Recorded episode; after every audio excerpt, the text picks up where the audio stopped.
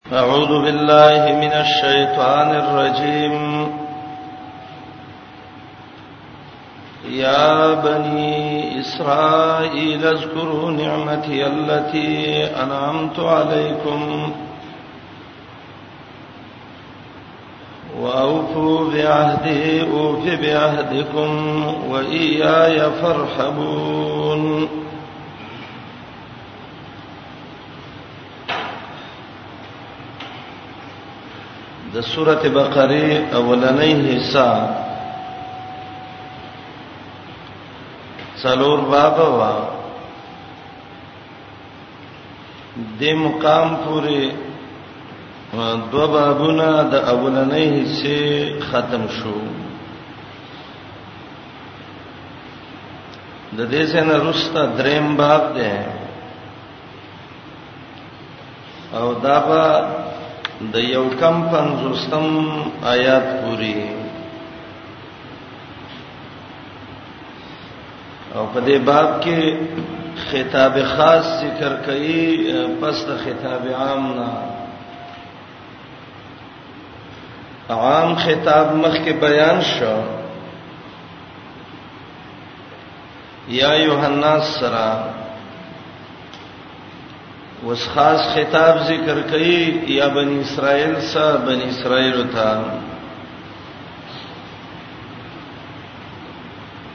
او درې صفاتونه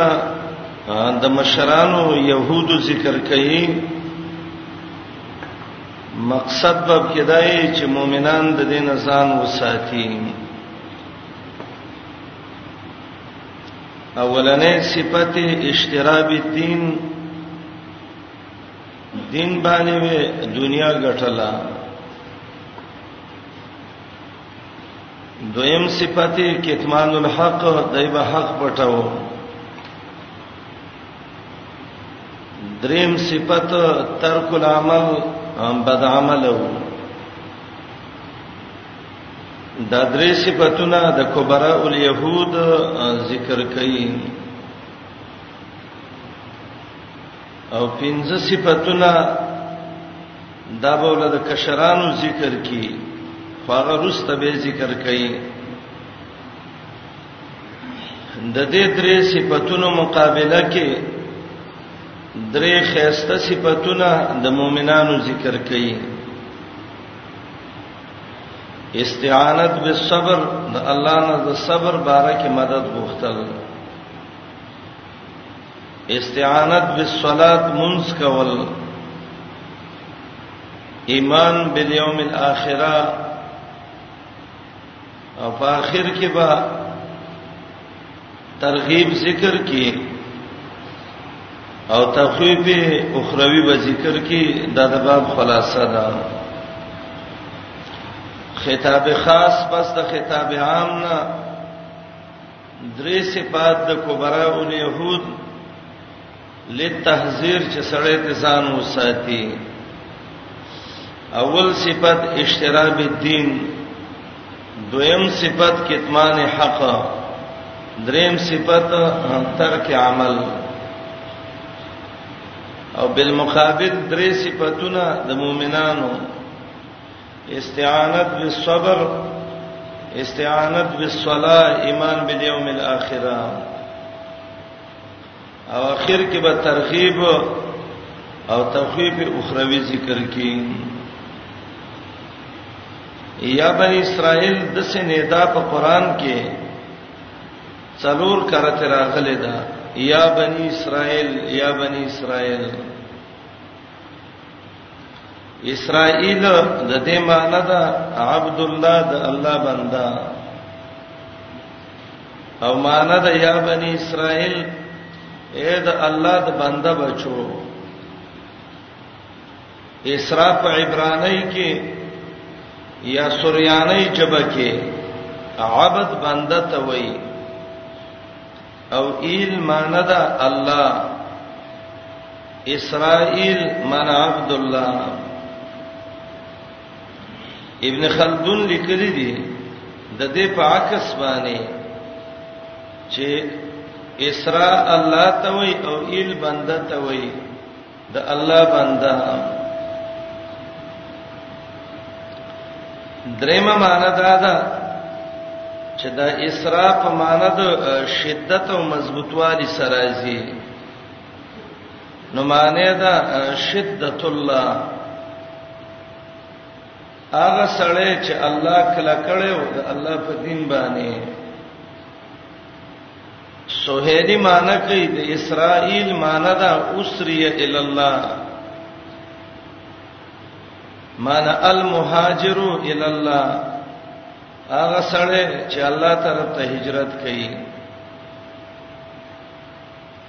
نور قولونه هم د کې شته دي خو ابو حیان وایي چې هغه د سند د لحاظ سره ضعیف دي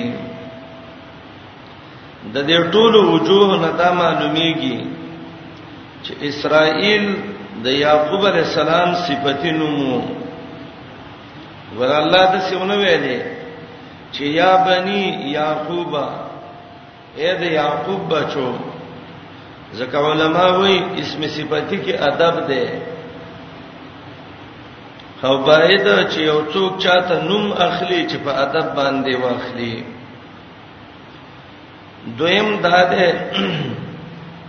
چې دې کې تاکید ده دغه دعوی د پاره دعوت سوا اعبدوا ربکم اسرائیل څه معنا عبادت کوونکې د الله نو دا غداوی تاکید دی کې یا بنی اسرائیل بنی اسرائیلو اذکرو یاد کړئ دا ماده د اذکرو دواو یاسل قران ذکر کړی دا امام سیوطی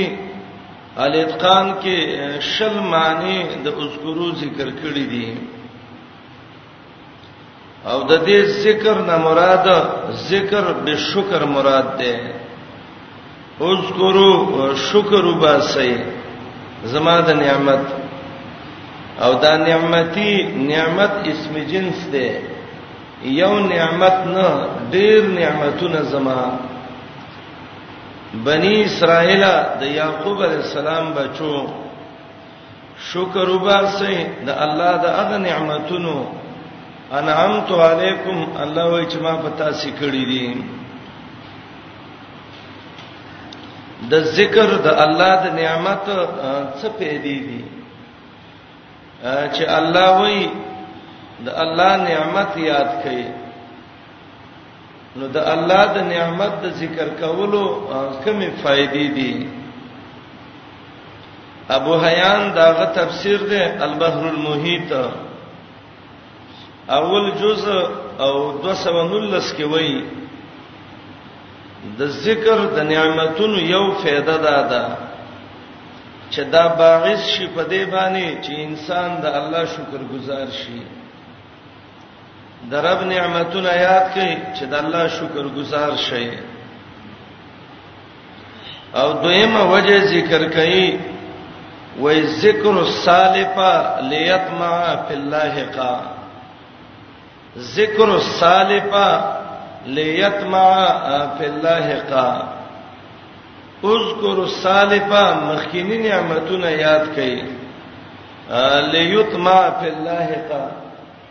چې آینده نعمتونو کې به تمه د انسان پیدا شي بنی اسرائیل د الله نعمتونه یاد کړي د دې آیات د مخ کې سرابت او مناسبت څه ده نو یو ربط خدا ده مخ کې د ادم علی السلام پیدایش ذکر شو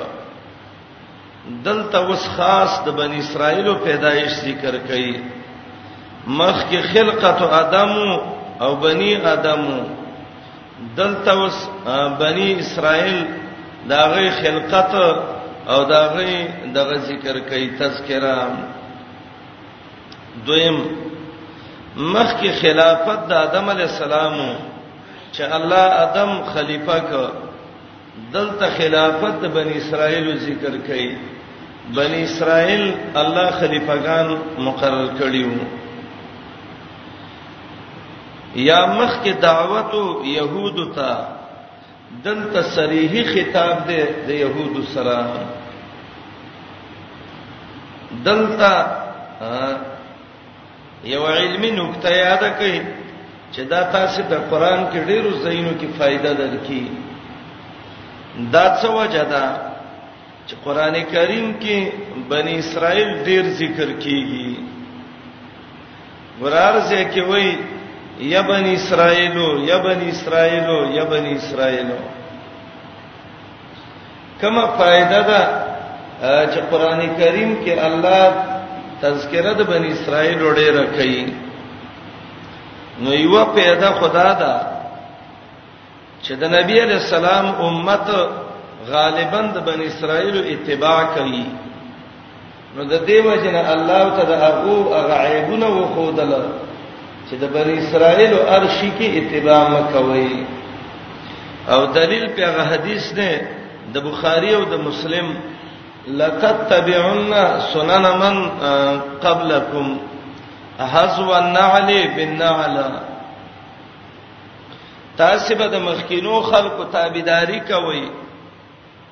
په برابر والی د خپې د چپلې د تلی سره دا څوک دا يهودو دا د بخاری او مسلم روایت ده لتتبعن سنن من قبلکم نو د محمد علی السلام امت غالبا د خلکو په سبزي نو الله ته بنی اسرائیل ډیر تذکرہ کوي چې دا څه خلک نه دي ډیر په منه سي گئی دریم دویم علما وی تحذيرا للمؤمنین عن الاتصاف بصفاتهم تحذيرا للمؤمنين عن الاتصاف بصفاتهم مؤمنان یې رید دینا چې تاسو د بنی اسرائیل اوس خوینه ځان کې م پیدا کوئ دریم د بنی اسرائیل تذکرہ کوي غرض پکې اصلاح اليهود ده اے يهودانو دم مرزونه دي دا نقصانونه تاسو کې پراته دي اصلاح وکي دا د ځان نه لري کوي اصلاح اليهود څلورم وجه دې کې تنبيه ور کوي مؤمنانو لا چې اے مؤمنانو دا يهود او نصارا دا بني اسرائيل ستاسو دشمنان دي تنبيه او خبرداري ور کوي مؤمنانو لا په عداوت د دی باندې د عمر رضی الله عنه یو قول تفسیر ابن ابي حاتم راوړی دی امام ابن منذرم ذکر کړی دی چې عمر رضی الله عنه یو ځل منبر باندې د آیاتونو ولستل او به ویلې قد مزا بنو اسرائیل بنی اسرائیل په خاطر شوی دی و انما یعنون یقینا قص کول شي په دې باندې او بعضو روایتو کې دا ده و ما یعنا بها الا انتم په دې باندې قص کول نه شي مګر تاسو بنی اسرائیل په خاطر دي دا دې امت ته وای چې امت دې قانون نسان وساتئ قد مزا بنو اسرائیل وما یعنا بها الا انتم دې آیاتونو کې یا بنی اسرائیل سره نه اوامر د الله دی او پنځه نواهی دي چې رب ذکر کړی دي اوامر ګورئ اول امر اذکروا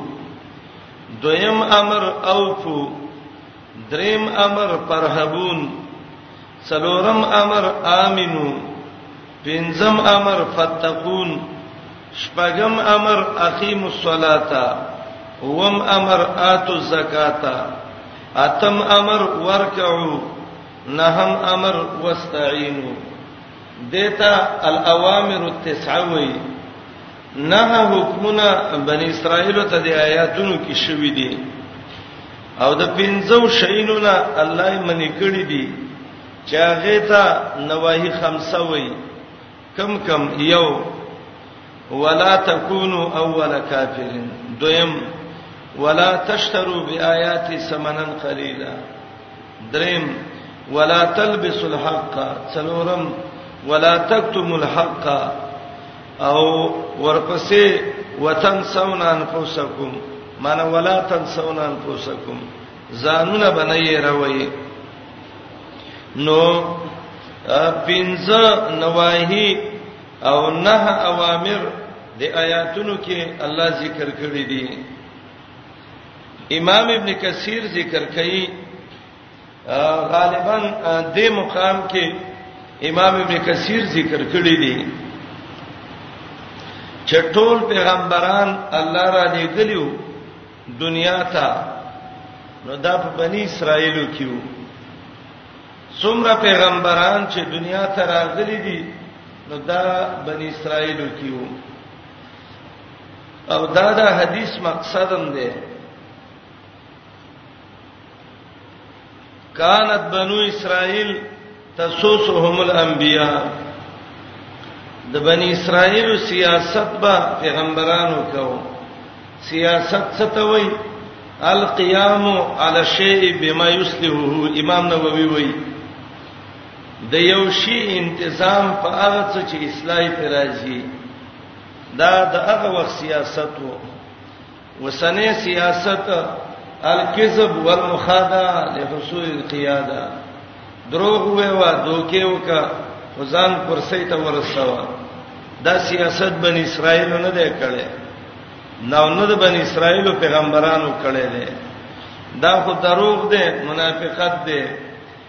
بنی اسرائیل سیاست کوو سیاست به پیغمبرانو کوو هغه څه شیو القیام علی شی بما یسلوه د بنی اسرائیلو کې ټول پیغمبران الله را لېګلیو لس پیغمبران د بنی اسرائیل نه ما سیوا راغلیو یو نوح علی السلام دویم هود علی السلام دریم صالح علیه السلام څلورم شعیب پنځم ابراهیم شپږم لوط وم اسحاق اتم یعقوب نهم اسماعیل لسم محمد رسول الله صلی الله علیه وسلم عرب ټول د اسماعیل علی السلام اولاد کې دي ځکه د اسماعیل په اولاد کې قحطان او عدنان دا الکان راغلي دي او عربانو سند چې ګوري نسب یا قحطان ترسي او یا عدنان ترسي او دا دواړه د اسماعیل السلام نو سو کې راغلي دي بنی اسرائیلو یاد کړئ په شکر باندې زما هغه نعمتونه نعمتي کې دا معنی مکوي ګوره چې زما یو نعمت نه یو نه دی جنس دی قلیل کثیر ټول پکې مرادي هغه نعمتونه چې الله په بنی اسرائیل کړیو د بنی اسرائیل چې رب په نعمتونه کړیو الله وای بنی اسرائیل هغه نعمتونه یاد کړئ او دا یا بنی اسرائیل وتوي علما وایي د نه دا کې پیدا ده دا لتحریکهم الی طاعته د الله تابعداري ته راي خي ځکه معنا دا ده یا ابناء رجل صالح یا د نیک سړي بچو تاسو خو ځان کې صدقه وکي غیرت د دین پیدا کړي ادب بنی اسرائیل نعمتونه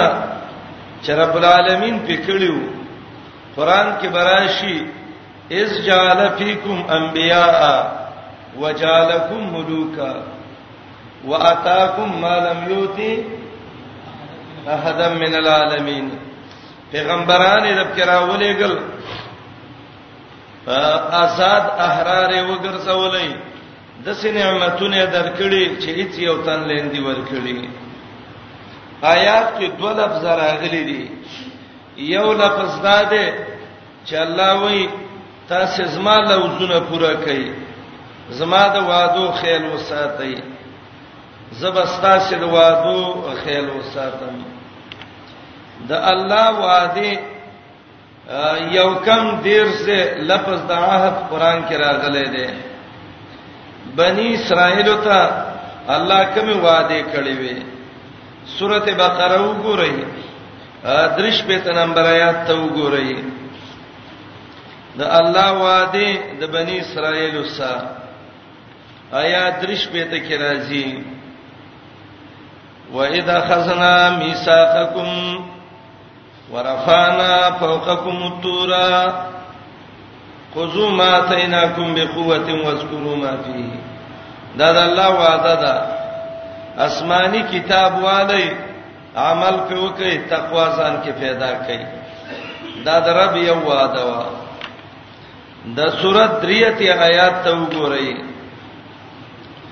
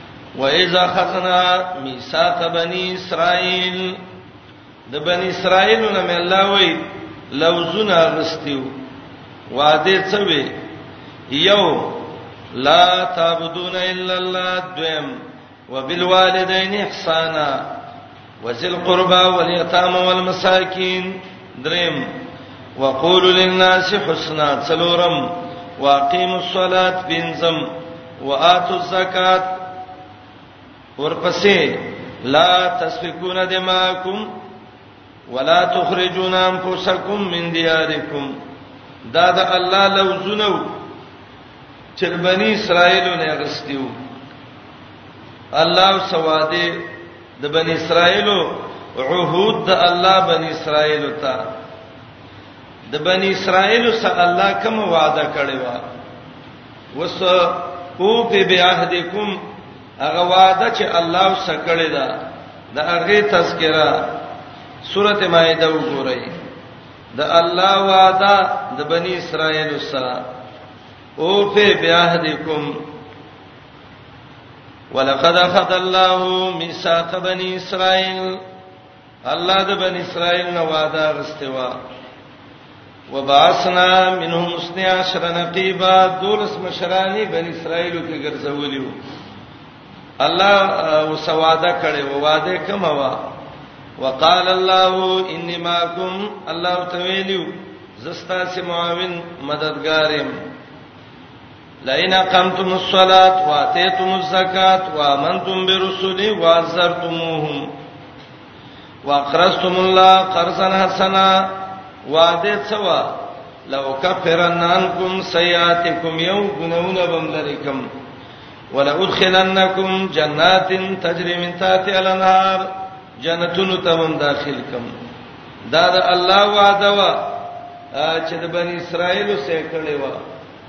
او د الله وعده لوزونه چې بن اسرائیل نه غستیو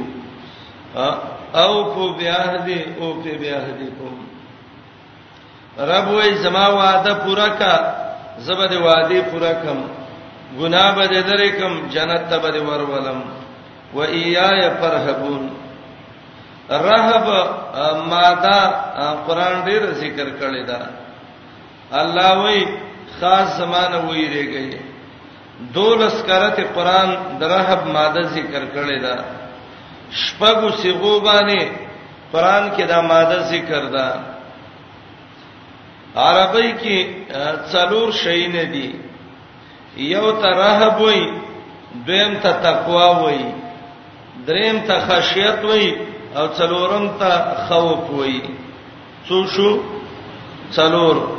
رهب تقوا خشیت او خوف بعض علما وای د الفاظ مترادف دي معنی ودا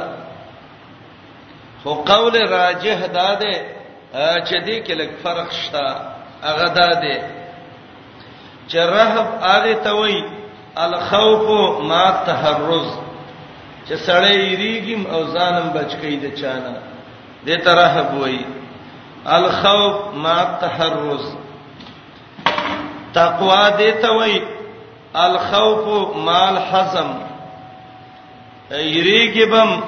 او او خیرته بم کې او تقوا د زړه صفت ده او تقوا په اعمالو کې مرضی او رهبانيت چې ده نو دا به په مخکینو کتابونو کې متقین او ته رهبانین ویلې او تقوا دا به دی امت کې ویلې او دا یو لفظ چې هغه ته خوف وایي نو دا د څه لفظ دی چې عام دی ټول کلمو ته شامل دی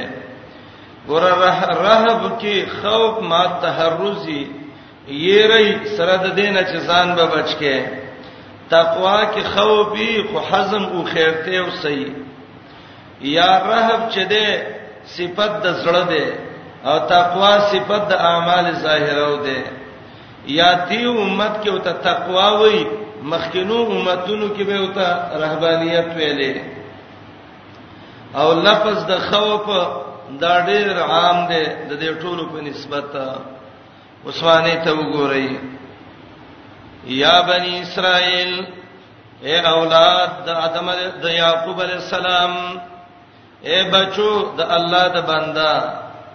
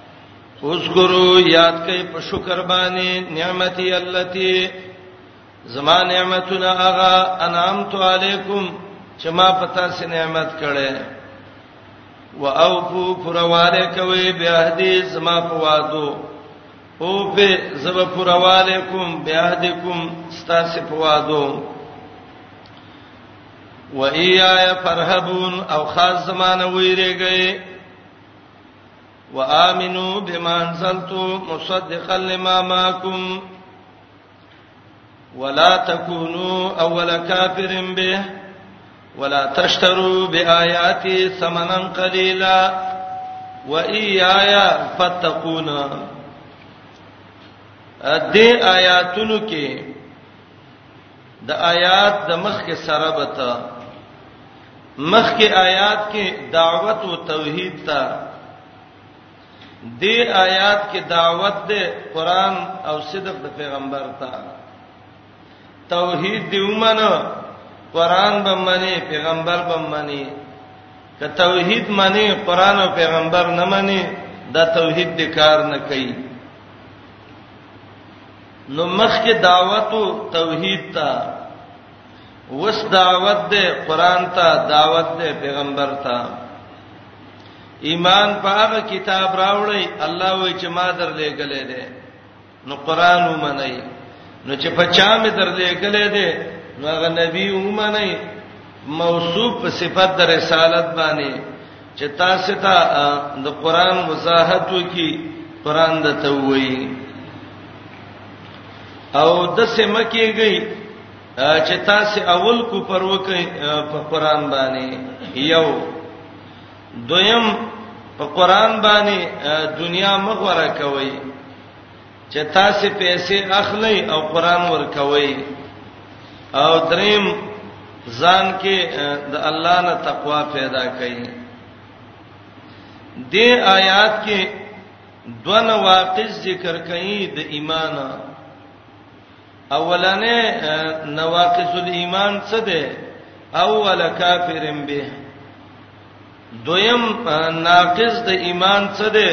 لا تشترو بیاات اشترا بالآیات دریم ناقص د ایمان ورپسې آیات کې ولا تلبس الحق بالباطل او څلورم ناقص الايمان وتكتم الحق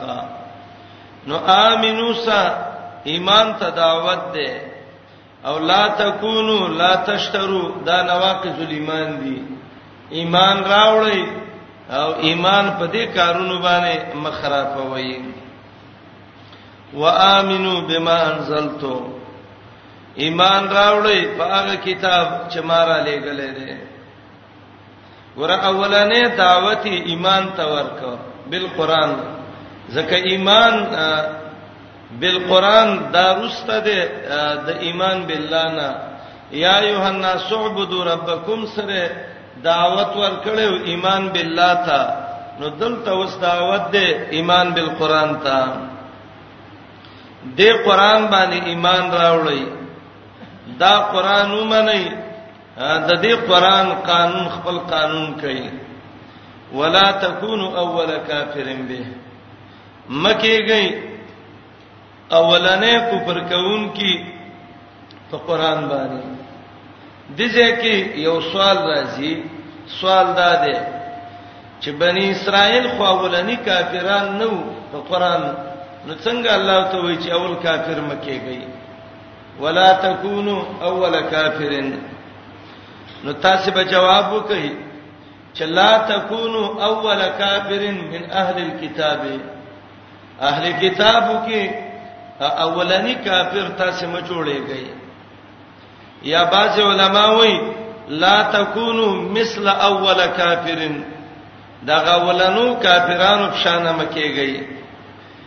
او مراد د کافر نه هغه سړی دی چې هغه حق پټ کړی دی د پیغمبر او د قران صدق نه مني ولا تکونو مکیږي اول کافرن من اهل الكتاب یا مثل اول کافرن دا ولنو کافرانو په شان مکیږي قرطبي معنی کوي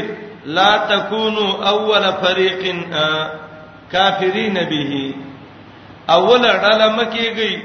د بنی اسرائیلونه چې تاسو په قران باندې کوپر کوي دا معنا امام قرطبي ذکر کړی دا ګوره کافر یو ویل او کافرین یو نه ویل ځکه دلته فريق مقدر دی غوي لا تکونو اول فريق کافرین به یا اول فريق کافر به اوله کفر کون کې ډله تاسو مکیږي او د قران کفر داده په قران باندې چې د قران د الفاظو نه سړی انکار وکي د قران د مقصد نه سړی انکار وکي د قران په فیصلو راضی نه وي د قران کریم قانون خپل قانون نه ګڼي د انګريز او د يهود او د نصراني قانون په قران غوړه ګڼي او قران خپل د ایمان کتاب نه ګرځي دا ټول اسباب د کفر بالقران دي ولا تکونو اول کافرین به دا اولنې ناقص د ایمان دی چې کوپر کول قران باندې د ایمان د انسان ختمي په قران دویم ولا تشترو بیاات ثمنن قلیلا اشترا مکوي الله و ازما پایاتونو باندې دا د دنیا لګي پیسې السلام علیکم تعال کولو پخپلو دعا غانا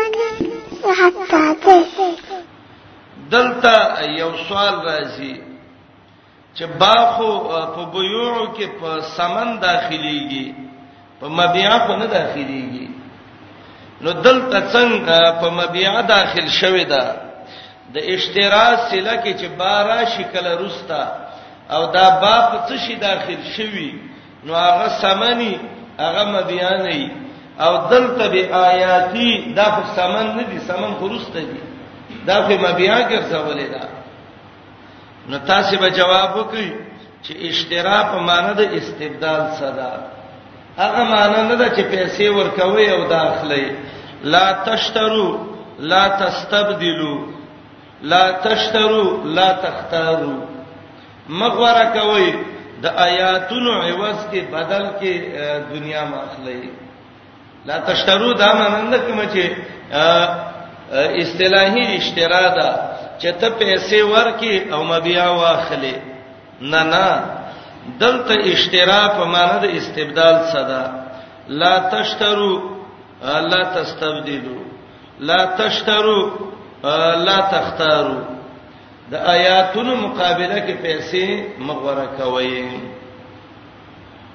دیتا د قران جوامع الکلم وایي جوامع الکلم د قران دا دی چې یو دسه خبره وکي چې دا ډېر انواو ته شاملې د دې وجنه د علماو مستقل مستقل بحثونه په دې لیکل دي چې اشتراب الدین دا څه شی دی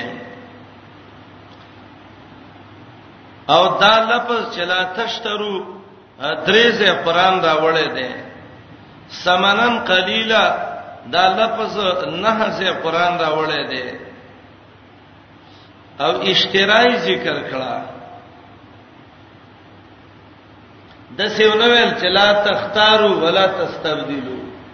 دې کې علما وایي تاکید دې پر ډیر قباحت نه دی کې اے بنی اسرائیلو د یعقوب بچو تاسو ګوره دون سلام وک چې قرانم خرج ک او تاسو پاګې باندې د دنیا پیسې واغستې سمن قلیل څه شه دی دا معنی نه ده چې ختمین وای چې موږ له لګي روپۍ په مرا کوي ډېر را کوي الله سمنه قلیل ویلې ده تعالی ډېر شي درکې په بدرینی می روپۍ دې باندې سفاره وای سمنه قلیل څه ته وای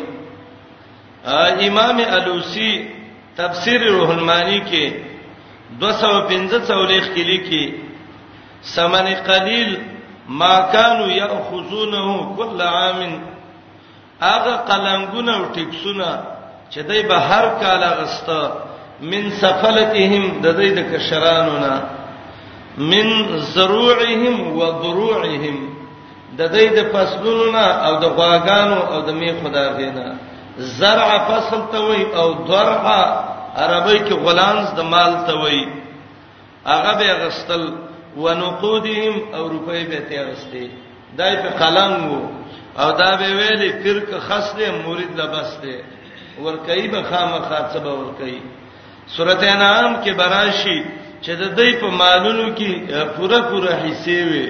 دا به ویل هاذا لله وهذا لشرکائنا تعین به کو امام الوسی تفسیر روح المانی کې لیکي چې سمن قلیل هغه چې هر کال بدای د کشرانو ناغسته د پسلونو قلنګونه او د مالونو قلنګونه او د پیسو قلنګونه امام قرطبي لیکي چې ثمن قلیل څه ده دنیا ده او د دنیا هغه زندگی ده او د دنیا هغه خوندونه او مزيدي مالې زما پایاتونو ثمن قلیل مالې دنیا ما اخلي او امام قرطبي د دې آیات دلان دی لیکي اول جز 340 دیش کې چې ول آیت تتناول من فعل فعلهم آیات هر هغه چاته شامل دي چې هغه د يهودو د مرز پکې او په دین باندې پیسې اخلي باز دا وای یرا دغه ده دا لګي په مال ډېرې په والي نه ټول دنیا دا کم ده ټول دنیا دا کما ده قران وګورئ سورته توبه وګورئ اته د آیات کې دنیا ټول کما ده نو سمانا دا دنیا په ماخلې آیات اخر ته وګورئ فما متاع الحیات الدنیا فی الاخره الا قلیل نه د څکه د دنیا د آخرت مقابله کې مگر ډیره کمه ده دنیا خو ډیره کمه ده نو څه معنا مال دالګه دنیا یعنی دنیا بالکل ما اخلي سورته نساء وګورئ چې دنیا بالکل د آخرت مقابله کې کمه ده نو لګي پیسې په مالې یعنی دا لګه دنیا په مالې غالبا واوی نمبر آیات د سورته نساء آیات د منځ ته وګورئ قل متاع الدنیا قلیل وای څکه د دنیا ټوله کمه ده ټوله دنیا کمه ده آیات 77 واویا قل متاع الدنیا قلیل یا اعلان وک محمد رسول الله سکه د دنیا کم ده والآخرت خیر لمن اتقى اخرت پرېزګاران لړل غره ده نوراشي عثمان او کوي مالې په مقابله د آیاتونو کې مغوره کوي مبدلوي سمنن قلیلا دا لګه دنیا دا لګه دنیا د آخرت مقابله کې ماخلا حسن بصری وای به آیاتی معنی دا به تغییر آیاتی چې زما آیاتونه بدله به آیاتی به تغییر آیاتی چې زما آیاتونه بدله د سیمه کوا بعض علما وایي بے آیاتی بے کفر آیاتی تکه مو وایي قاری صاحب لامش بے آیاتی بے کفر آیاتی چې زما په آیاتونو باندې تاسو کفر کوئ دریم معنا بے آیاتی بے ترک العمل بے آیاتی چې زما په آیاتونو باندې عمل نه کوئ دا ابو العالیه و معنا کړی دا به آیاتی به تعلیم آیاتی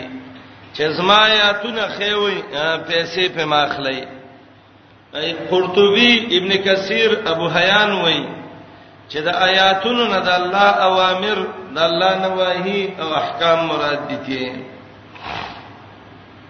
ا دې مقام کې ایو خبره لک ضروری دي پیچاندل هغه دا ده چې اجرت په قران باندې او اجرت په امامت باندې او اجرت په تعلیم باندې د دې شران څه حکم دی خود دې ټولو نمخ کې مسله دا یادول غواړي چې اجرت په طاعات باندې اغستل شرعي د دې څه حکم دی امام ابو حنیفه رحمت الله علیه دا هغه خو مذهب دا دی چې په مطلق اطاعت باندې به اجرت نه اخلي نن خلک را پاتېږي وای موږ د امام سره مذهبي نه یو امام سره خو چې مطلق اجرت را اطاعت بنالي امامتۍ باندې بنالي اذان باندې بنالي بل څه باندې بنالي تراو باندې بنالي پنور بنالي نو امام دی ولې پرې خدا خو امام خوخ دی پاغه ځای کې چې جبله سرایي او چې جبله نه راځي په دې امام پروام نه کوي ښا ز اول د فقه حنفي د کتابونو عبارتونه وایم چې هغه وي اجرت به پتاعت نه اخلي او به ان شاء الله د مسلې حقیقت وایم چې کتاب او سنت کې مسله څنګه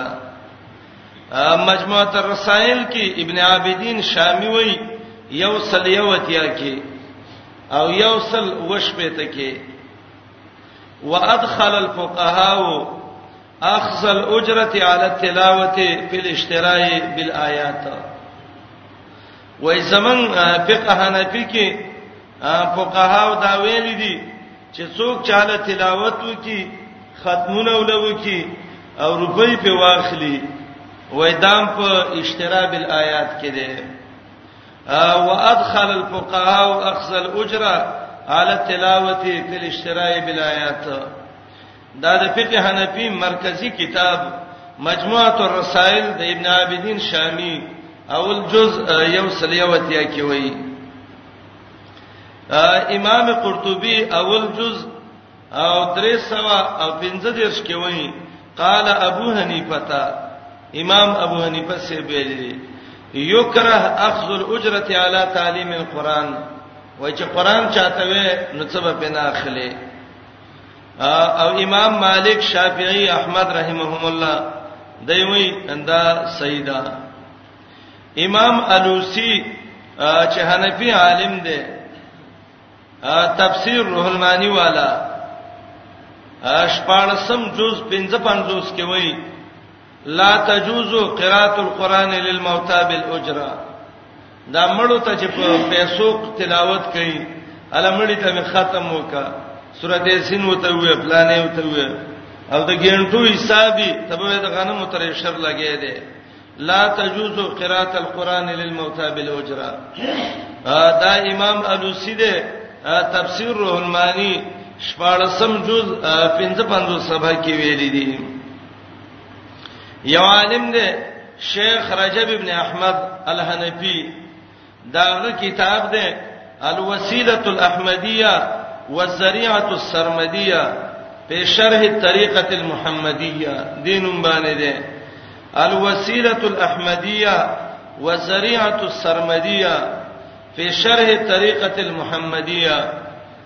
دریم جز 293 کې دی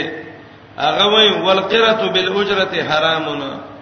سړی دې بوته چې مال ختم وکا دون روپۍ بدر کم وای دا لوی حرام دی خ بعضی خلک یو دلیل ول ذکر کوي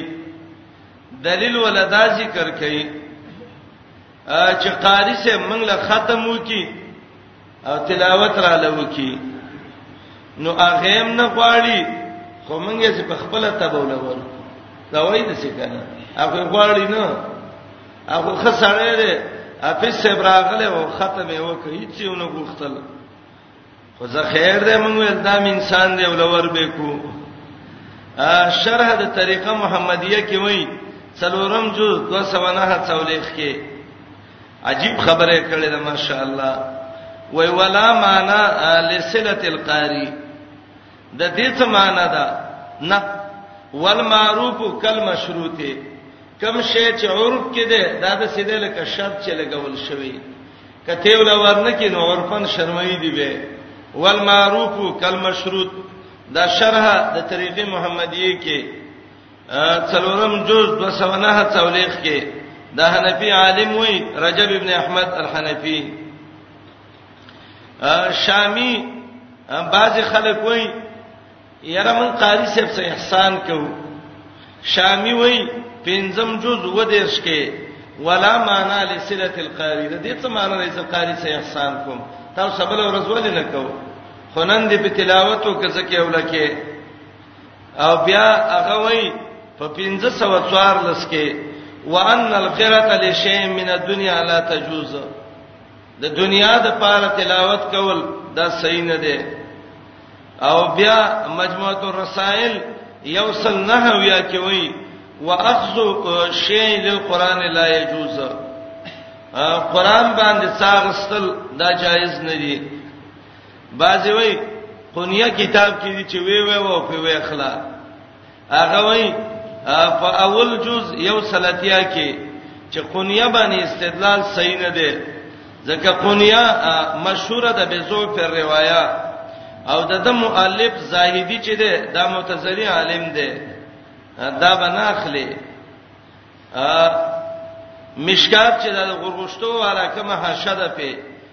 اول جز او 200 وکی وای قران دی ولس پیسې بنا لپی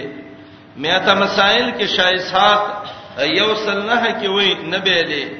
مبسوط څلورم جز یو سل نه 50 کې وای نه به اخلي عبد الحی لکنوی مجموعه الفتاوا دویم جز 15 څولېخ دویم جز 201 څولېخ کې وای نه بیلې هدایت الابرار والاشرار د پیر محمد ابن عبد الوهاب المانکی داغه کتاب دی هدایت الابرار کې یو کم 50 کې لیکي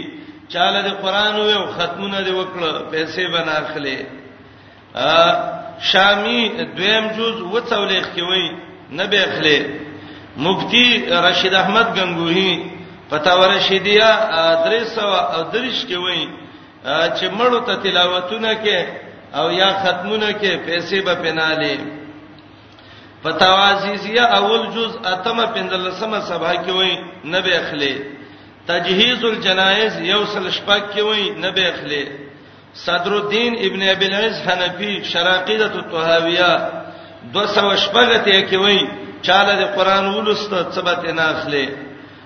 احکام الشریعه اوله حصہ درش په ته کې وای انوار ساتعه یو سل وکی وای الجوهر النیرا اول جز او 203 کې وای دارنګي روح المانی آیات د سورته کهف لاندې فتح العزیز دویم 208 کې کتاب الزهد د عبد الله بن مبارک 1508 کې مصنف د عبد الرزاق 301 تهذیب التهذیب اول جز په ترجمه د اسماعیل ابن علیه کې چې هغه 222 کې داغه ترجمه کې دا لیکلي دي چې هغه کله هغه پیسې اغستې وي نو هغه دوست عبد الله بن مبارک یو ته خط ولیک یا جائل العلم له بازیا دا قاضي مقرر شوو تستاد به اموال المساکین سړیا د علم نه د باز جوړ کړي دي او دا د غریبانو مالونه په ښکار کې احتلت للدنيا ولذاتها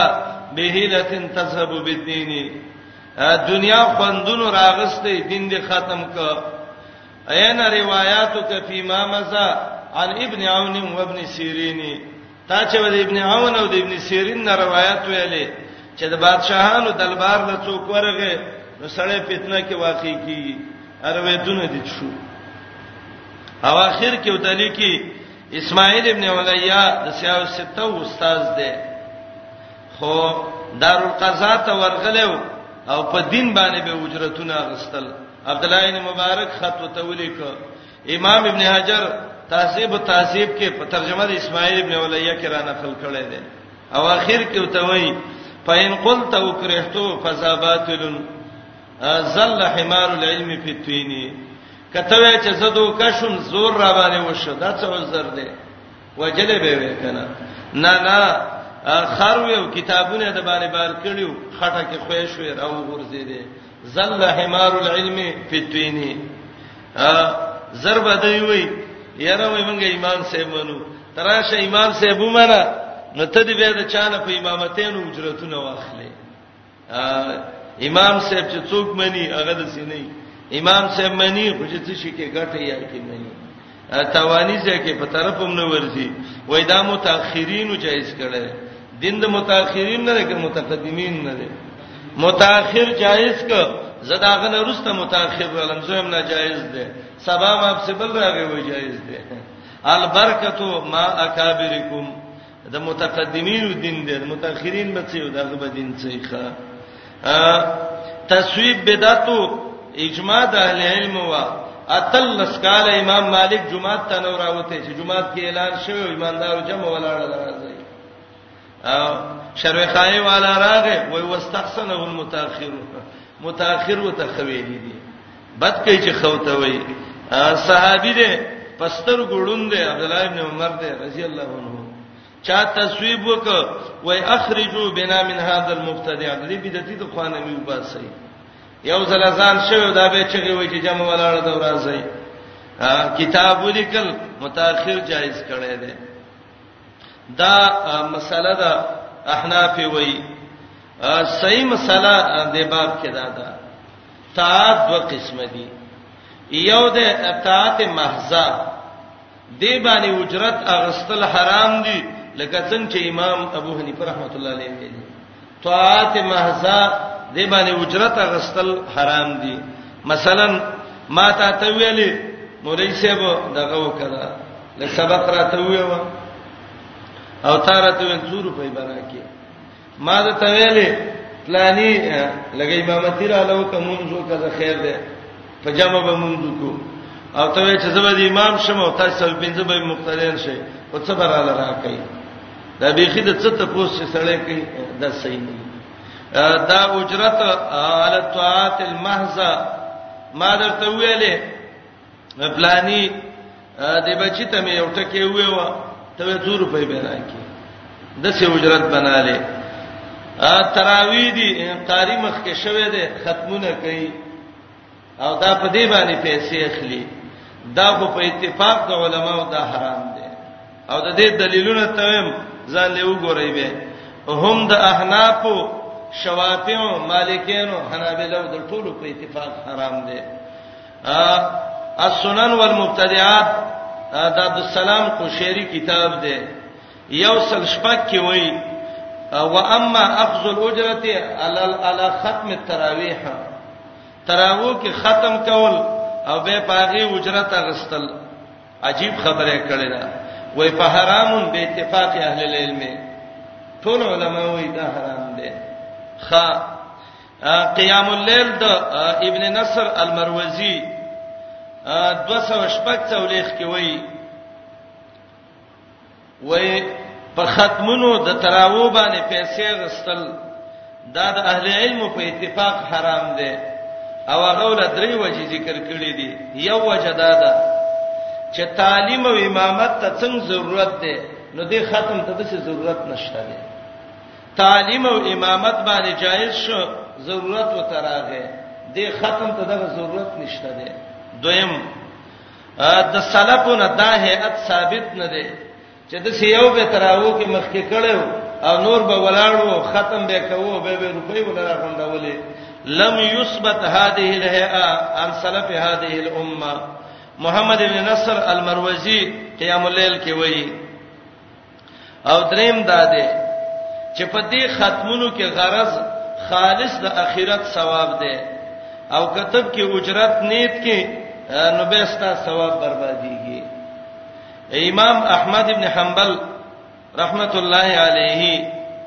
داغه واقعا علماو ذکر کړی دا امام احمد ته چا ویلې ان فلانا یاخذ الاجره علی التراویح دلته پلانې سړې دي خلکو له تراوو کې ختمونه کوي او به پاغي اجرتونه اخلي امام احمد غصه شو او وی ویلې اوپن اوپن ایو صلی خلفا والله دې تبا کی تبا دي کی دب سلا څوک مونږ کوي دا خو څه کرے بس نه دی چې خلک پسې ولاړ یو به په دې پسې دغه کیدا اوپن اوپن ايو صلى خلفا عمر رضی الله عنه دا غ روایت کنز العمال راوړی دی چې عمر ویلو لا تاخذو علی کتاب الله اجرا دسه قران چې وی وی په دې سماخلې فتسبقكم الجنات الى الجنه زناکاران به نمخ کی جنت تلل شي او تاسو به فاتح شئ مصعب بن سعد مشهور تابعی دی د تراو منځ وک او راو ګرځي یو سړی ول جامې راوړې وي هغه واپس کړي هغه ول ولې وځما د اخرت اجر مو برباد ووي ما په دې نیت نه دی کړی نو یو دسی چې هغه خالص محض دغه د عبادتي هغه به نه خلې یو د اجرت اغستل په تعلیم باندې او په امامت باندې یو سړی تعلیم کوي یو مدرسه کې د قران یو حلقه کې دی یا یو جمعات کې امام دی چې هغه دې ترابن شوی دی ان شاء الله دې باندې اجرت غستل مقتدین تنخواه لور کوي دونه چې د ضرورت پر پکېږي دا حرام نه دي او دا په صحیح دلیلونو باندې شته حنفی عالم بدر الدین عینی عمدۃ القاری کې وایي دولسم جز 15 کې وایي عطا ابن ابي رباح ابو قلابه امام مالک امام شافعي امام احمد امام ابو ثور د ټول ویل دي چې امام له تنخوا ور کول د یو مدرسې د حلقې استاد له تنخوا ور کول دا جایز دي امام قرطبي د امام ابو حنیفه صاحب نه نقلم کړی دی چې په دې مسله کې ډیر سخت دی چې په دم باندې اجرت شي غسته په دکانداری به ته نه جوړه امام ابن حجر فتح الباری نهم جز یو سل یوش کې د قاضی عیاض نه نقل کړي چې اجماع د علماو د پدې چې په تعلیم باندې مدرسه کې استاد لا او امام له تنخوا ورکول دا جایز دي او دلیل حدیثونه یو بخاری او مسلم کې کتاب الاجاره کې د ابو سعید خدری رضی الله عنه روایت ده چې هغه سورته فاتحه باندې یو سړی دم کړو او غړې ته غستې وي او نبی علیہ السلام اجازه ورکړه دویم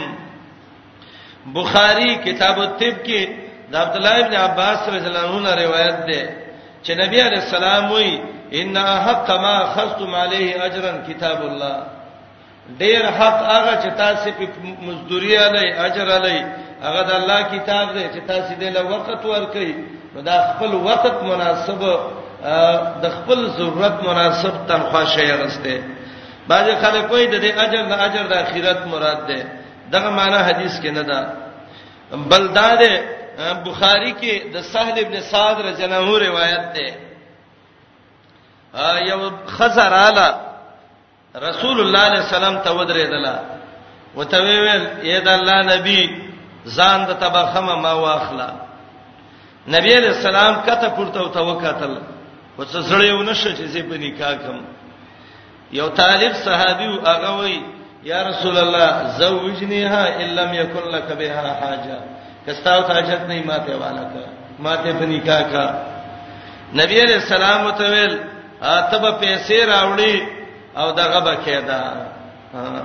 مہر براوړي هغه لاړ ګرځیدا ګرځیدا وای دا یو لنګ دی نو کدی له مہر کې ورکم زبد سکوم څه نشته دی نو محمد رسول الله علیه السلام ته وای هل ما کشیو من القران قران دی یاد دی راغو ته یا رسول الله قران نه سورت نه سورتونه عندي سورتن کذا وکذا وکذا هغه غټ سورتونه راته یاد دي رسول الله علیه السلام ته ویلې زداغه مہر شو بس دا دې خزم شو او مہر ادارې د قران بوته شاګرد دې شو نو ګور مہر اب مالی قران دغه ځای کې وګرځاو دا دلیل د دې دی د جواز زیدعی په حواله د امام بهقی باندې ذکر کړی دی نسورايات څلورم جز یو سلودیش کې امام زیدعی راوړی دی چې عمر ابن الخطاب په قران د حلقو معلمینو لا تنخوا ورکولا او دا کتاب الاجاره کې امام ابن حزم المحلا کې راوړی دی کتاب الاموال د قاسم ابن سلام 201 شپې ته کې وایي چې عمر ابن الخطاب به د جمعهتونو امامانو لا او د حلقو استادانو لا تنخواګانې ورکولې ابوبکر جامور اروان دي صحیح روایت ده بازار ته روان دي لار کې وسه عبدالرحمن ابن عوف رضی الله عنه دغه شدا مخامخ شو وته ویلې ابوبکر چیرته زی وای زم د بازار کې مزدوري کومه چې دا بچی می وخوري نو ابوبکر ته عبدالرحمن ابن عوف وای ته خلیفہ امیر المؤمنین بازار کې څنګه مزدوري کې وای بچی به می څه خوري هغه ول راځه راغه صحابه راجم کړو عبدالرحمن ابن عوف پتوي یا ایها الناس یا خلقا ابو بکر دا به د بیت المال د پاره کار کوي دا به د غیدا د مسلمانانو خدمت به کوي وسياكل آل ابي بکر من هذا المال او د دې بیت المال نه به د ابو بکر آل تنخواګانې ورکوي او پاګه باندې اجماع رااله د کې شران څه ممانعت نشته ده محض طاعت وزدارې چې د څه ضرورت دی ته زمړی له ختم کوما او یا ما کور جوړ کا او ختم وکا او یا بل ختم دی او یا بل دی ابه چې سپاره په 200 روپۍ ولولې تراو کې ختم کوما خدای راته وې چې څنګه ختم دلو کما ختمونه خو دغه شوی دي دا د درې قسمه دي د درې شپو د دوه شپو د څو شپو ا د درې شپو د یوې شپې ختمې دی چې نور پسې روسته ودی چینت کی او چې کله د حق ټکی راشي نو یو په تیزه چغه قاری سی وو کې الحق او به موږ هغه یې قاری سی آیات ته نږدې شوه دی ښا څه ضرورت دی ته والله کده چې ختمونه محمد رسول الله کړي ابوبکر کړي عمر کړي امام ابو حنیفه سیب هم نه دي کړي ان قران بلول او غربا به خيږي او نه پیرسته توپی او نه پیدا پويږي ورتل قران ترتیلا قران ولول خیر ده په قلار مزمزه یو یو سفاره ولول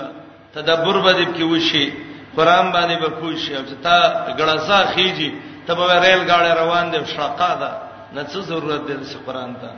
رب قارین یقرأ القرآن حدیث کې دی ډیر قاری قرآن لولي قرآن په لعنت وای هغه دا چې عمل په نه کوي او د قرآن الفاظ صحیح نه وای ډیر احتیاط دې مسایلو کې پکاري او لا تشترو بیااتی علما معنی کوي حسن بصری به تغییر آیاتی آیاتونو کې تغییر مکوي یا به کفر آیاتی یا به ترک العمل به آیاتی ایا آیات نه د الله اوامر نواهی دي چې دا ګډوډوي معنی ته وګورئ وامنو ایمان راوړې بما پا کتاب انزل تو چې ما را لېګلې مصدقا تصدیق کې لما دا کتابونو ماکم چې ستاسو سدي دا د آسماني کتابونو قانون دی یو کتاب د بل کتاب تصدیق پکې شته اکثر دا سکانی دلته د فردوس کې یو سکو امرګری راتله وای د سزو دعوت ورکوم راځي چې ورشو هغه مولاو پکې ا فیصله وکړه هغه ډاکټر صاحب عمرګری او نیک سړی دی داغه سیټ سره تعلق بس به سره ماته ویلې ک ملامت شو به وت سکیږي وای او که زه ملامت شوم نو زه به دغه کېږم دا مسلمان کېږم مې سید لیکل مو کړو سا اب تک به وتلو تقریبا شل منټه نیمه غنټه خبره اخیر خبره دې دراله چې زمون کتاب دې او زمون پیغمبر دې بابا نانک ما ویل یو تفوس دل کوم سکا وای څنګه مال اسماني چې څونه کتابونه دي د یو کتاب په بل کې تذکرہ شته قران کې انجیل هم شته تورات هم شته صحیفه هم شته انجیل تورات کې قران ذکر هم ده ستاسو اسماني کتاب دی یو مال اسماني کوم کتاب کې ستاره بابا نانک او کتاب تذکرہ دی دبکې پړین په جنا شمال جاړه مخ خبره وکړه وای ما سبا بار سر ته لاړ شي مل دا ته نمبر سر خبره مر سره کړو خبره وکړه دا د جړا شیخونه دي آسماني کتاب کې به صفات ده مصدقا لما معكم د بل کتاب تصدیق وکړي ستاده کتاب تصدیق وخیوا چې د آسماني او صحیفه منسوخه کړه غلې ده ناسخ خلاف سکے وې زبلان شمه بل ځل به می جواب راغلی چې بل ځل ورلم هغه مرګره ورسه وای ګوره کبه را لې ځان ولمه دي ځکه نو مړې کا کته ځان ورته ودی چت نړ باندې ساز شي دا د آسماني کتاب صفت ده مصدقا لما معكم د ځان نه کتابونه جوړ کړي دا پلانې ده دا پلانې ده دا پلانې ده او دا پلانې پیغمبر ده او دا پلانې ده پیغمبران او آسماني کتابونه د دې تصدیق آسماني شوی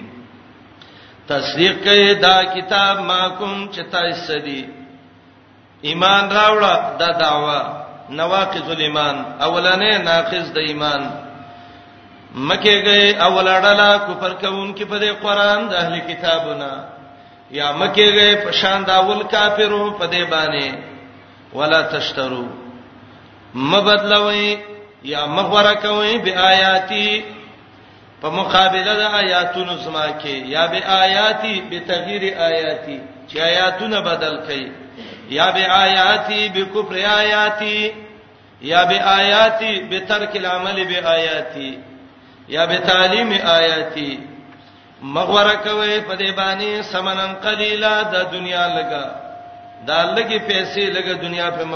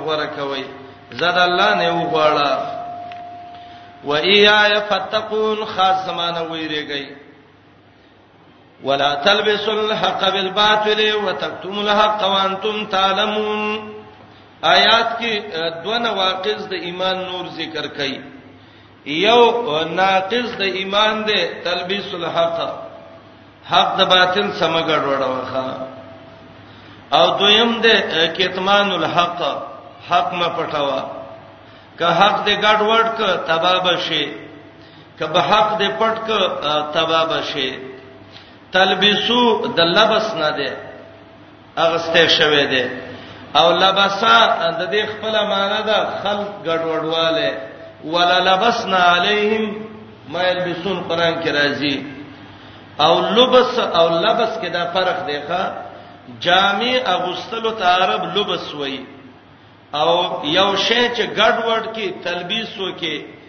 نو دیتا لبس وای ولا تلبس الحق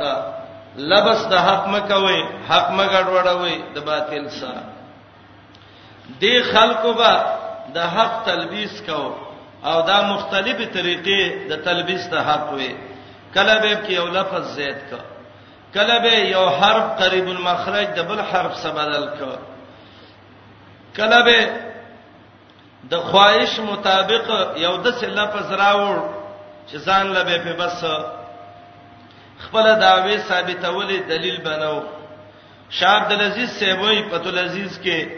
چې د لفظ دا طریقه مو چې لیل اللسان به کو جبه به کګرا کګا کړه صحیح خبره به نه کوله کتمان د حق به کوو خلق به گمراه کول محمد رسول الله علیه السلام ویلو هغه سړی چې هغه حق پټ کی الله به ته قیامت کې د ور واګي خلیته ور واچي واګي خلق څه تا چي اس او قچره ته الله به ته اس او قچره جوړه کی واګي به تور چری د ور راکاږي به هغه عالم چې هغه دین باندې اعتراضونه کوي او دا غلې ناشتي دا الله نبی علیہ السلام وي د تبع عالم نه وي وي شیطان نخرس دا ګونګې شیطان دی هغه خلک چې هغه حق پټي محمد رسول الله علیه السلام وي دا خلک د دې نسان وساتي قران کې وي دا لعنتین دي الله تعالی لعنت وي ملائک ټول خلق لعنت وي تلبیس ګډوډواله مکه د حق د باطل سره حق څه شی دی دلته او باطل څه دی یو معنی دا ده چې حق رښتې ته وای باطل دروغ ته وای ولې دروغ او رښتې ګډوډې رښتې ته رښتې وای دروغ ته دروغ وای الحق الصدق والباطل الكذب دویم حق څه دی اسلام باطل څه دی يهوديت او نصرانيت ولی د اسلام سره يهودیت او نصرانیت ګډوډه خپل اسلام دې ده او تعالی په يهودیت او نصرانیت دې ورورته دا مکوا یا حق څه ده کم چې قران کې د محمد رسول الله صفاتونه راغلي دي باطل څه ده د دې هغه تبديلونه او تحریفونه چې آسماني کتابونو کې کړیو تورات راوړ ابن سوریا د دې اغلوی مولا رزل رشوتی مولا او په بنی یهودو کې مالدار سړی او شریف نومیو او مالدار خزه وا شریفه نومیو زنا یې کړې وا محمد رسول الله لرال صلی الله علیه وسلم لا وتوي د دې شرعي څه حکم دی هغه ته تورات کې نشته چې راجم دې هغه ویلنا وای ورشه تورات راوړی تورات چې راوړ د دینه مخ کې نبی علیہ السلام وته ویلو د زناکار څه حکم دی نو دې مولانو يهودانو د حق او باطل ګډوډ کړي وای که غریب سړی زنا وکړه په ګټو یولې کلمې ولو باسه مړې کې دغه راجم دی او کمالدار وکړه نو په خر باندې سور کوي او دا مخ ولا تور کوي او بازار کې وګرځوي دا د دې سزا و خر باندې سورېدل پیغمبري سنت دی عبد الله ابن عباس او نبی اسلام څخه په خر سورما رسول الله صلی الله علیه وسلم په خر سورو خزم ځان سکینه وړي و وسفیه مور د په سفیه جنات سرستانه استو نو خربانه سوردی وکړه دا څه دغه خو نه دی دا ګناه خو نه ده پیغمبري سنت ته تازه کړه او مخ ولا وای تور کوي نو که مخ تورې دل تاوانې دي د بازارونو کې څونه مصرین دي د مخونه توري خلک له څونه قدر کوي او بازار کې چکر وای نو دای ګټه وکړه که تاوانې وکړه چکرې مو مخیم تور شو خلک وای د دې مصری به کم ځای کې ورکشابې چې داراغه او چکرې مو نه نه دا د سینه ده پکار دا د سیدا ده چې دا مخ ولا تور کوي او دا خره په ولو سور کوي او بار یو باسه او ډانګیو ته ونی سه او مړې کوي دا کې علاج ده بغټي ولې دای تغییر او تبديل کړو ابن سورایه چې راغه تورات یې راوړ او دا د دې د ستور مولا وخه ډیر چاپو یو سند دغه د دغه خو یو سټکورې و نو چیرې ور د رسول بده سکول مخ کې روسته به ویو د رجم پایات به ګوته کې خدا نبی رسول الله سره خو د سینه ده به ویو وای د سینه ده عبد الله ابن سلام ناسو رضی الله عنه د تورات حافظ مو دا لاس یې ولوو و ارفع یدک عدو الله د الله دشمن الله سوچت کړ د اکثر به هغه حق باندې ګوتی کیدی چې زیل راشي عبد الله ابن سلام وی فیزا آیت الرجم تلوح دا د رجم آیات د سپړقې ده ښا دا نه ده نو ابن سوریه ته ویلې دا ده کنه وای دا څه ده وای تورات ده وای تورات په موسی علی السلام الله نه دی را لېګل نو هغه جذبه کې شو نو وی ویلې ما انزل الله علی بشر من شی الله هیڅ نه دی را لېګل دا سری موسی هم دروغ ویلې دی تاسو هم دروغ ویلې دا تلبیس د حق مې د باطل څخه او دویم دا وته وی ویلې تورات معنی وای او وای تورات کې نه دي چې ان الله یبغض الحبر السمین دا ستاب شان څورب سره الله دښمنی کوي بس هغه غصه شوی تورات به کې چاره وسته ده دا موسی د ځان نه څه دروغ ویل دي ما انزل الله علی بشر من شیء ولا تلبسوا الحق بالباطل مګړ وړوي حق د باطل سره حق باطل سره مګړ ولې ګډوډې بدعت سنت د مصطفی سره مخبل غوي سبا محشر کې مجتبا سره د محمد رسول الله مخله به ورځي ولې د پیغمبر طریقې د بدعت سره ګډوډې ښه او باسي وای حق د نبی علی السلام بعثت ده او باطل د دغه خبره ده چې دا ویل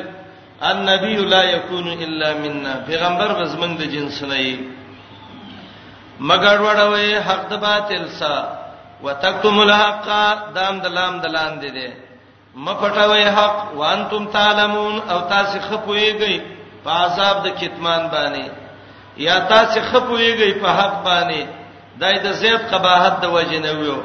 ز ظالم کنه پوی دی خو ګلن نه نه ونه ته خو خپویږي ولې د ځان دسه د رزل کړي دی پاین کنت لا تدری فتلک مصیبتن وای کنه پویږي دا مې او غم دی وین کنت تدری فالمصیبه اعظم او که پویږي او ځان دې په زور نه پوی کړي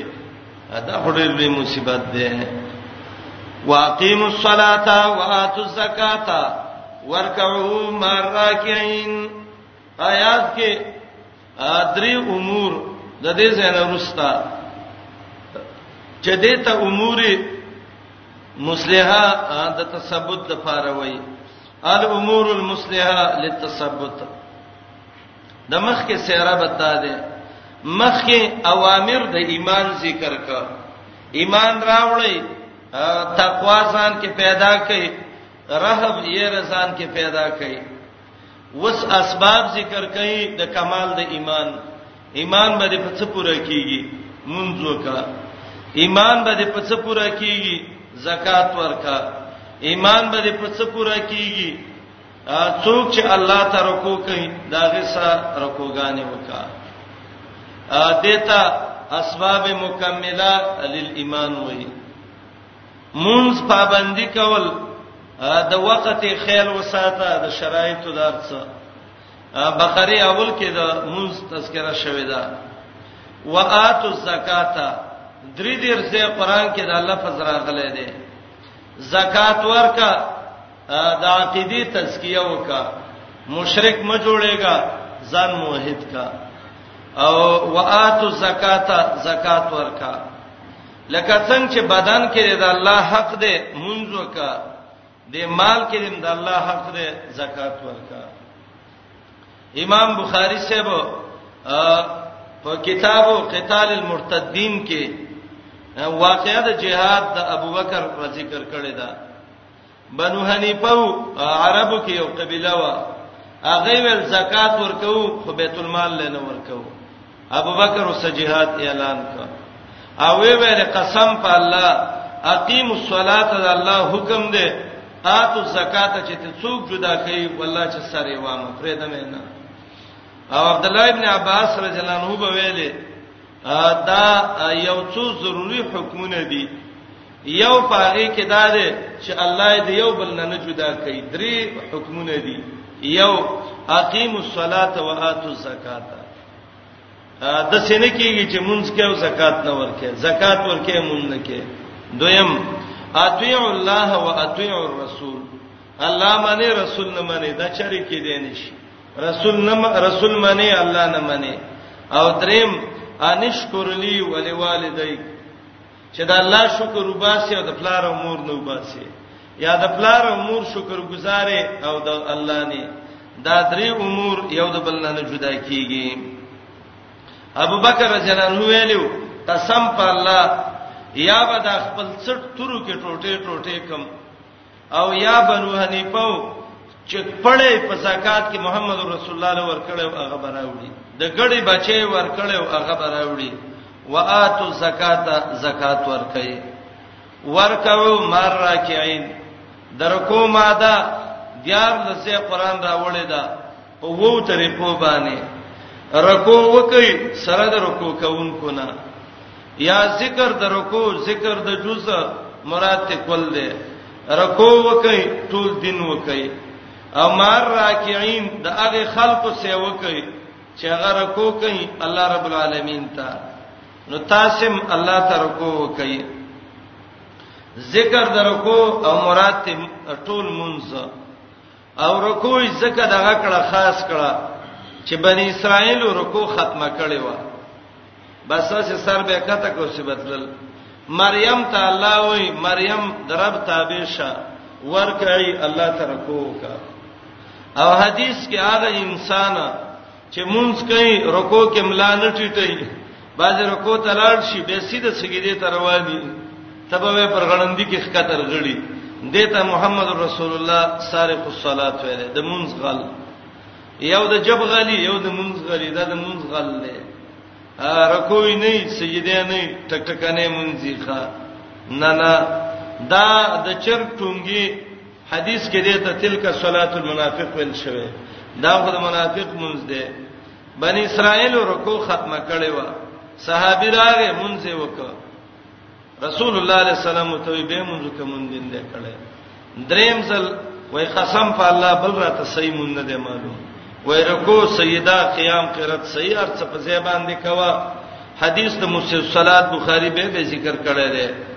رکو کوي سره درکو کوم کو نه او ما ای ویلې دې کې اشاره ده ته ده رکو کې مونږ کې ځان لمکه او مار راکې ان په جمع وکا علماو دلیل نیولې په دې آیات چې د جمع مونږ فرض ده ځکه الله وای ورکو رکو وکي خو مار راکې عین دا هغه چا سبه کوي چې رکو کوي الله تعالی منځو کې سره د منځ کوونکو نه یا رکو په معنا د خضوع او عاجزۍ سره عاجزي وکي الله ته سره د خلقونه چې الله ته عاجزي کوي پابندي د منځو کې ورکې زکاتونه ورکو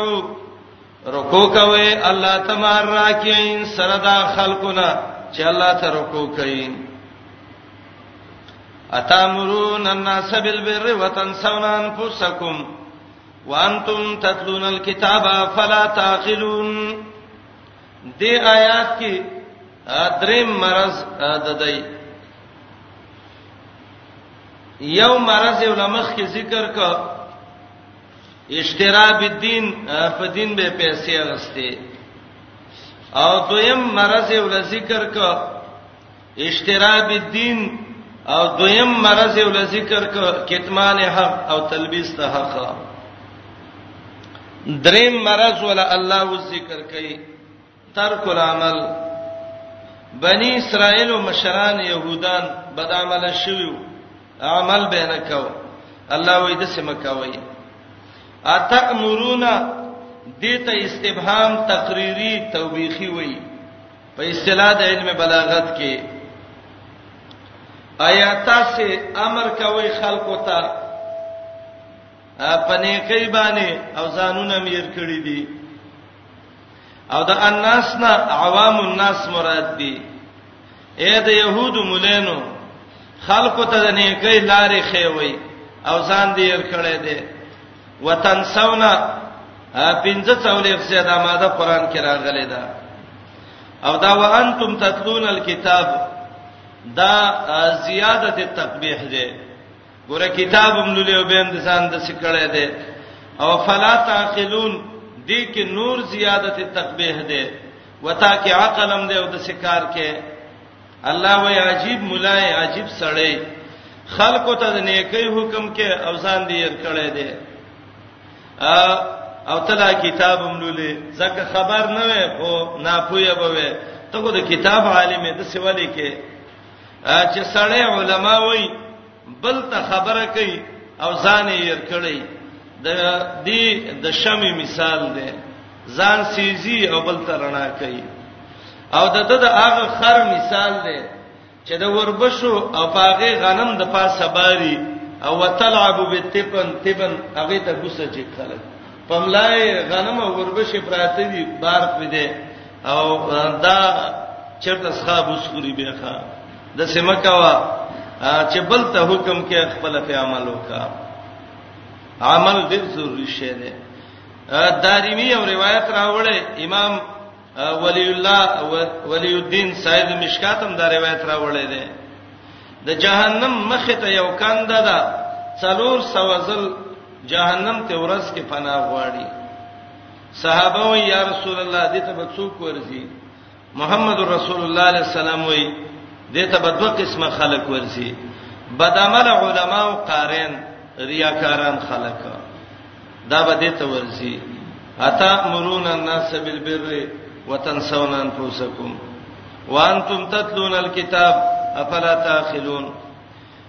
حدیث د حذیفه بن الیمان چې امام بخاری راوړی دی چې نبی علیہ السلام ویلو یا معشر القراء استقیموا لقد سبقتم سبقا بعیدا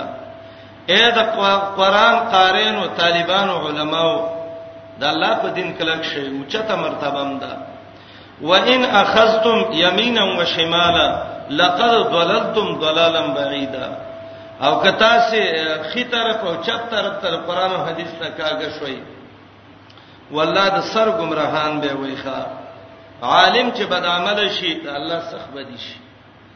انعام سورته اعراف کې وایي د بدعمل انسان مثال د سپی دی ښا ان تحمل عليه يلحس او تتركه يلحس جمعه کې وای د بنی اسرائیل علماو خې کتابونه ویلو خو بدعملو د خرو مثال دی نو خر باندې د گاډۍ کې کتابونه سای ستا متفسرونه چلی دي قران او بخاری دی ول په سری خیدا خلک نه وای چې شیخ القرآن والحدیث راغی شیخ الاسلام نه لار ورکړي خرچ ارزه لبوزي ولا که شیخ الاسلام وته وای خلک ته خر وای عالم چې بد عمل ای کار څونه کتابونه وای لیکن الله وای فمثله کمثل الحمار او د خر سره تشبيه ورکړه د میری وای خر د لارې منځ کې ودرېږي عالم چې بد عمل شي د حق منځ کې ودرېږي خلاف کوي الله دې د بد عمل علماونه موږ وساتي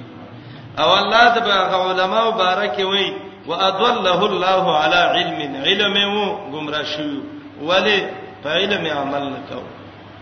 او قران کې الله د دې په باره کې وایي بد عمل علما او طالبان الله وایي او عوام ټول عمومي قانون د الله دی کله نام د غواو میخو ډنګرو چرپیانو مثال دی الله دې زمون عملی جنبه خکی اتامرون الناس بالبر وخلق ته په نیکی باندې حکم کوي وتنسون انفسکم او ځان دې یې کړی دی خلق ته وې چې د سار جمع کې دونه ثواب دی او مولوی صاحب د نور خطو سمونځ کې خلق ته وې د پیغمبر طریقو کې دونه پیدا ده او به ته خلاف کې د بیر ماده اته قرآن راوړی ده او علما وایي دا یتناول کل خیر هر خیر ته بیر شامل دی او دا د يهودو مولینو دای په دسه چل کاو چا چې به ته پټ ته پوسوک چې محمد رسول الله څنګه دی وای به صحیح دی چې مخامخ به شو وای به دا خوشی سړی دی یو درې روایت د زه کې ذکر کوم د آیات په تفسیر کې امام بخاری یو حدیث راوړی دی په بابو اذا اسلم الصبی کې بابن اذا اسلم الصبی د باب کې امام بخاری یو روایت راوړی دی نبی علیہ السلام یو يهودي لورغه چې دا غزوی بیمارو د يهودي ته دعوت ورکړه او د دې زوی بیمارو مرز موت شروع او دا پلار يهودي ملام نو دې زوی د پلار ته وکتلې چې دا سړی څنګه سړی دی نو دا دغه او ته وای دا پلار او ته وای بنیا اطع ابو القاسم بخاری دا روایت راوړی